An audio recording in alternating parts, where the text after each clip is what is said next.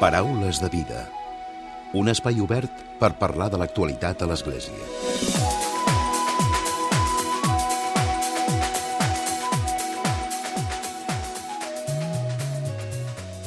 Què tal? Salutacions i benvinguts a aquest Paraules de Vida Online. Avui el compartim amb Mardia Herrero. Ella acaba de publicar a través de Fragment Editorial el llibre Peregrina. De fet, és una reflexió la seva vivència personal durant el camí de Santiago. És un llibre que està escrit en forma de diari amb 33 capítols que corresponen a les diferents etapes del seu pelegrinatge fins a Santiago. Un llibre que es presenta aquest dia 25 a Madrid en el qual intervindrà la mateixa autora, Mardia Herrero, juntament amb Jaime Buigas i també Pablo Dors, que presentaran estaran presentats en aquest cas per Rafa Millán. Aquest llibre, diu Mardia Herrero, és un, un llibre que ha trigat més de 15 anys a fer. També diu que expressa allò més profund, allò que surt de l'ànima. Avui ella és la nostra convidada per parlar, per reflexionar sobre aquest peregrina.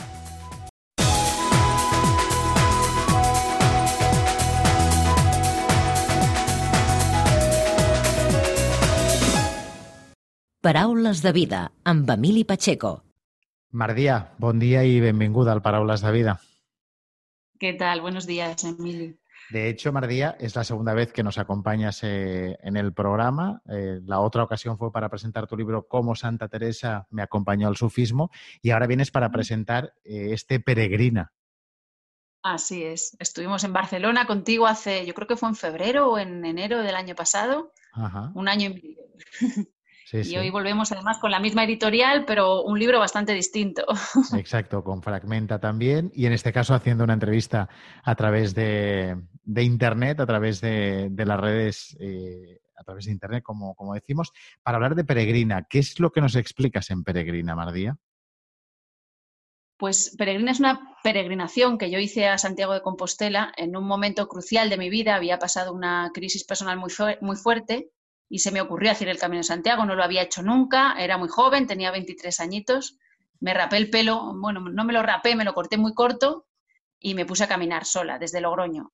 Y entonces lo que sucedió ahí cambió radicalmente mi vida, porque yo estaba como muy perdida y de repente encontré que había un sentido, porque no tenía ni idea qué hacer y encontré como una misión precisa o un- una, una actividad precisa a la que dedicarme y luego por todas las cosas mágicas que fueron sucediendo. Y la voluntad de, escribirlo y de publicarlo tenía que ver con que yo concibo que la realidad es más, y eso es lo que entendí en el camino, que la realidad es más maravillosa que la ficción.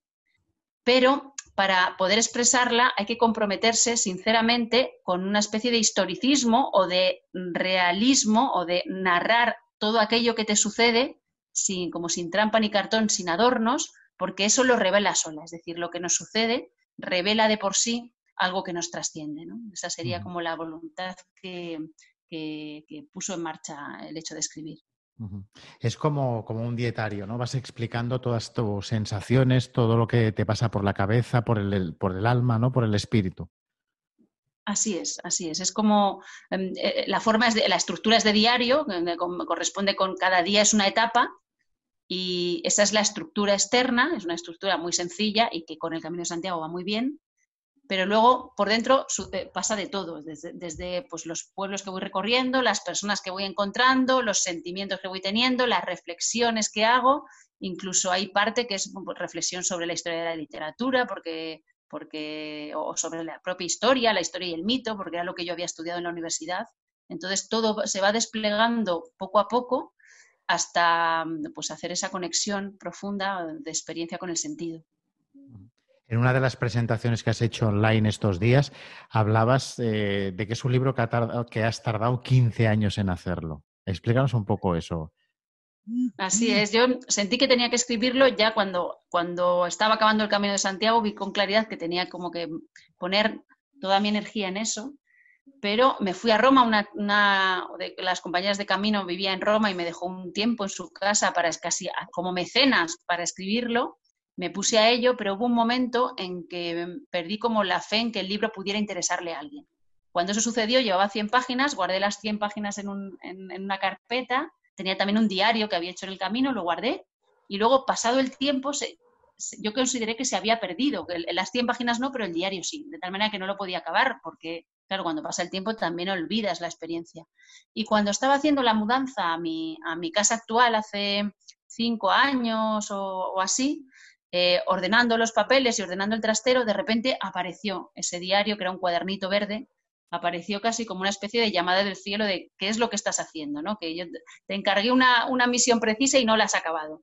Y, y pues se abrió también como la posibilidad de acabarlo y me entró como mucho entusiasmo y muchas ganas de hacerlo y una confianza que antes no había existido, eh, una confianza que da también la madurez, ¿no? Porque el proceso es muy importante en el camino hacerlo, pero también es muy importante regresar. Y a mí me ha llevado 15 años regresar. En la medida en que yo he conseguido regresar, pues he tenido como la madurez suficiente como para poder acabarlo y, publicarlo, que no, es, que no es fácil todo ese proceso, y, y nada, y apostar por él. Ese regreso que supongo que lo que te hace es revivir, ¿no? Esos momentos que, en su día viviste de, en lo más profundo, ¿no? En, tu alma, en tu pensamiento, ¿no? En todo aquello que te pasa por esos sentimientos que te pasan por la cabeza. Así es, yo siento que la vida es como una espiral. Hay ciertos temas, una espiral ascendente. para, algunas personas a lo mejor es una espiral descendente, pero en general para la mayoría es una, espiral ascendente. ¿no? De tal manera que los mismos temas vuelven a aparecer una y otra vez, una y otra vez, pero cada vez los miras como un poquito desde más arriba, consigues mm, mm. trascenderlos. ¿no? Vienen una y otra vez y tú los trasciendes y sigues caminando y luego vuelven a aparecer. Y para mí regresar al camino, porque claro, me he tenido que poner en, pues en, la, en el alma que, hizo ese camino hace un montón de años. ¿no? Em, para mí regresar ha sido también como volver a purificarme, volver a esa inocencia, porque cuando yo hice el camino con veintitantos años era, era muy inocente, no sabía nada sobre la vida. Y ese regreso a la inocencia, de alguna manera, me ha traído un, regalo también a, este momento de mi vida. Me ha dado muchos regalos volver a escribirlo y recordarlo. Es un libro, dices, profundo y lleno de metáforas, ¿no? Así es, está lleno de símbolos, porque el camino es el gran símbolo de la vida. Yo enseguida, en cuanto llegué, alguien me dijo, el camino de Santiago es una vida abreviada o es una metáfora de la vida. Y cuando te pones a, a caminar te das cuenta de que sí, es como un símbolo privilegiado. Por eso muchos dicen que el Camino de Santiago tiene que ver con el juego de la oca, que es también ese laberinto que tiene un origen, y un destino y un sentido, es decir, hay una dirección, porque el objetivo es solo seguir una flecha amarilla. En la medida en que uno confía en que la flecha amarilla le llevará de la mejor manera posible al destino, entonces se libera de todo y se concentra solo en descubrirse a sí mismo.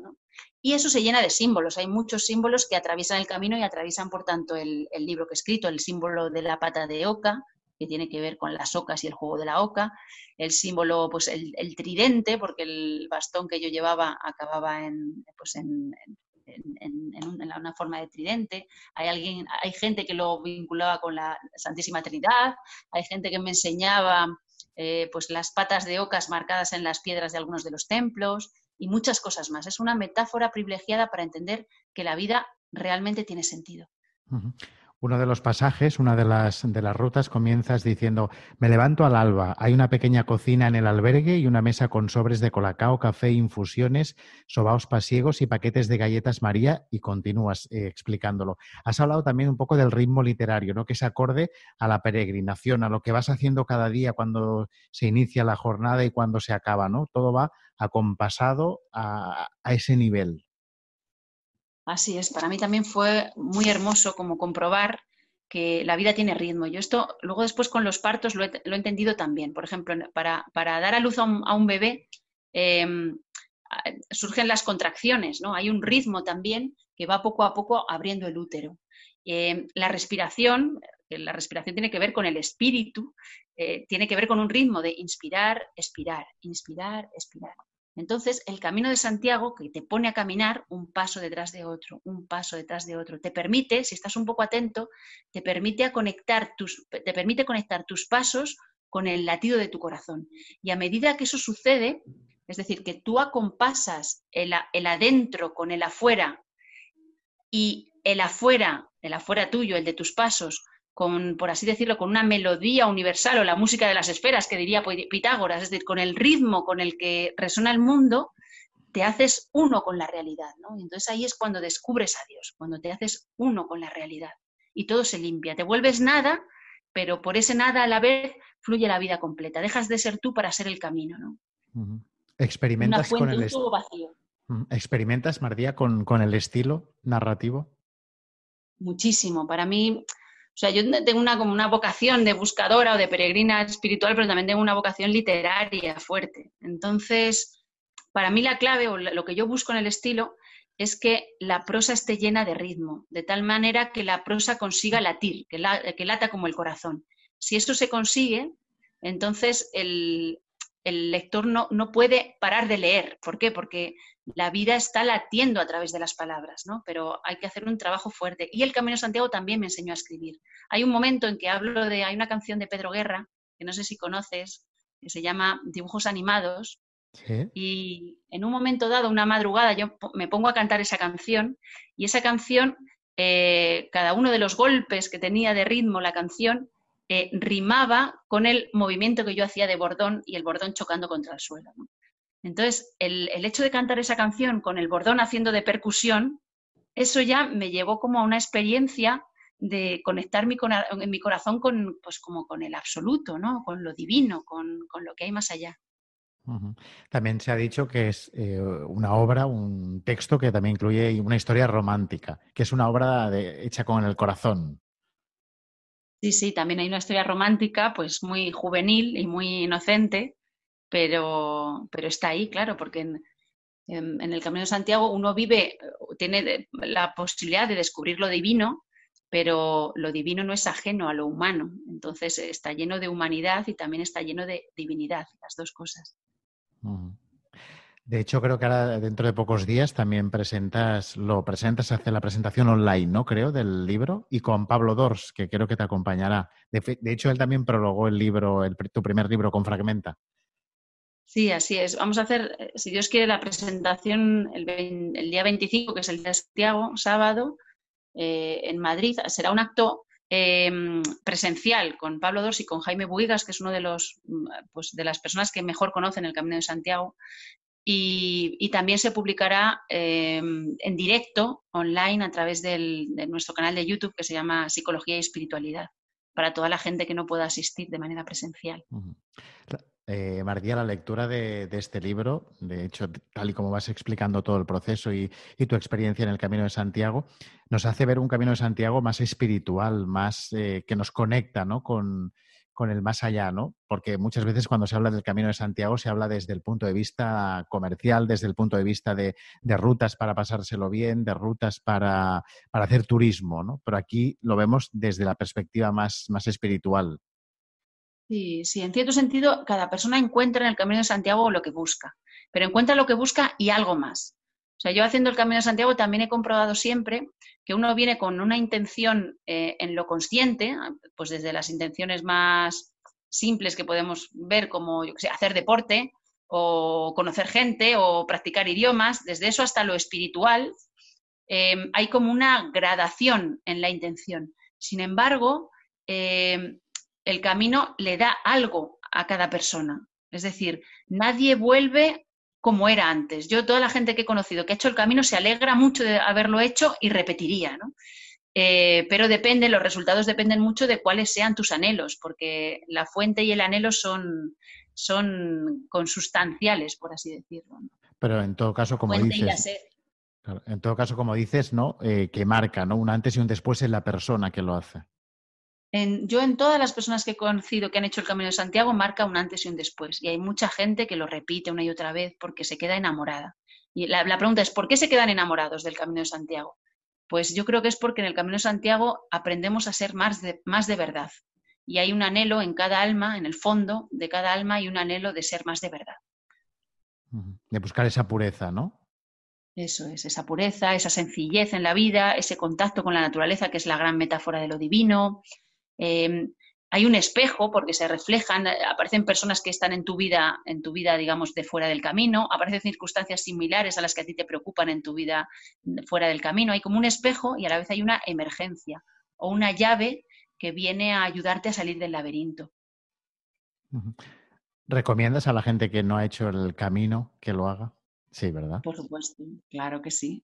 Es, de hecho, yo creo que es lo único, porque mi apellido es Herrero y hay ese dicho en castellano tan famoso de en casa del herrero, cuchillo de palo.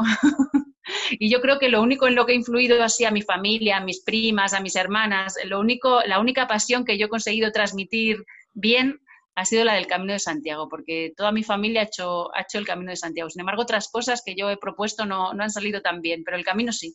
Y todos se han quedado enamorados. De hecho, estoy, a punto de tener un sobrino, si Dios quiere, en 10 días o así, que se llamará Yago, claro, que es Santiago, porque mi hermana se quedó tan enamorada del Camino de Santiago que le quiso dar ese nombre a, a su hijo. Y seguramente mucha gente también se enamorará aún más con la lectura de, tu libro, ¿no? Gente que, lo haya hecho, que haya experimentado una sensación similar y que al leer también el libro, pues eh, le atraiga más todavía, ¿no? Ojalá. Yo creo que la gente cuando lo lea, pues la gente que haya hecho el camino, se verá ahí, se verá caminando, será como un, compañero de camino de la, de, la, peregrina, de la protagonista, porque eh, en el fondo todos los que han hecho el camino con un poco de conciencia y con un anhelo, han vivido algo muy similar. Muy similar y a la vez totalmente distinto, porque hay un camino para cada persona, ¿no? Pero em, cuando hay autenticidad, se refleja en la autenticidad de otros, ¿no? Claro. María, ya para acabar, contenta, ¿no? Con la publicación en Fragmenta, con los amigos de Fragmenta. Bueno, con Fragmenta yo estoy contentísima, no solo, no solo con cómo cuidan el texto. De hecho, hay una cosa que hizo Fragmenta y es, el título original te lo voy a contar. Yo le había puesto el título de Ultreya, ¿vale? Pero me recomendaron al ver si podía buscar un título que fuera un poco más adecuado, no, una, una palabra que a lo mejor no fuera conocida para la gente. Y yo creo que con el título, con la propuesta de cambio de título, acertaron completamente. Y la cubierta me parece que es una maravilla. La ha hecho Elisenda Sevilla, me parece que es una maravilla. Entonces estoy contentísima. Toda la vida he buscado un editor que mejorara el texto, ¿no? Y que, y que mm, pusiera amor en lo, en, lo, que uno presenta, porque uno está dando su corazón cuando escribe, ¿no? Y yo en, Fragmenta me siento como en casa. Pues Mardía, gracias por habernos acompañado hoy en el Parábolas de Vida. Muchísimas gracias a ti, Emily, y a todos los que, los que nos escuchen. Que, hacen, que hagan el camino, por favor. si no saben qué hacer, que hagan el camino. queda dicho, queda dicho.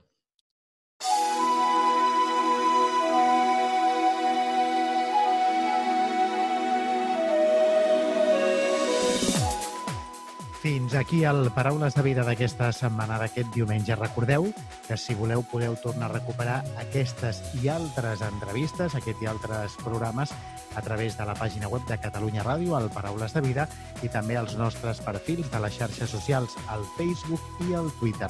Que passeu un bon diumenge i també una molt bona setmana. Adéu-siau.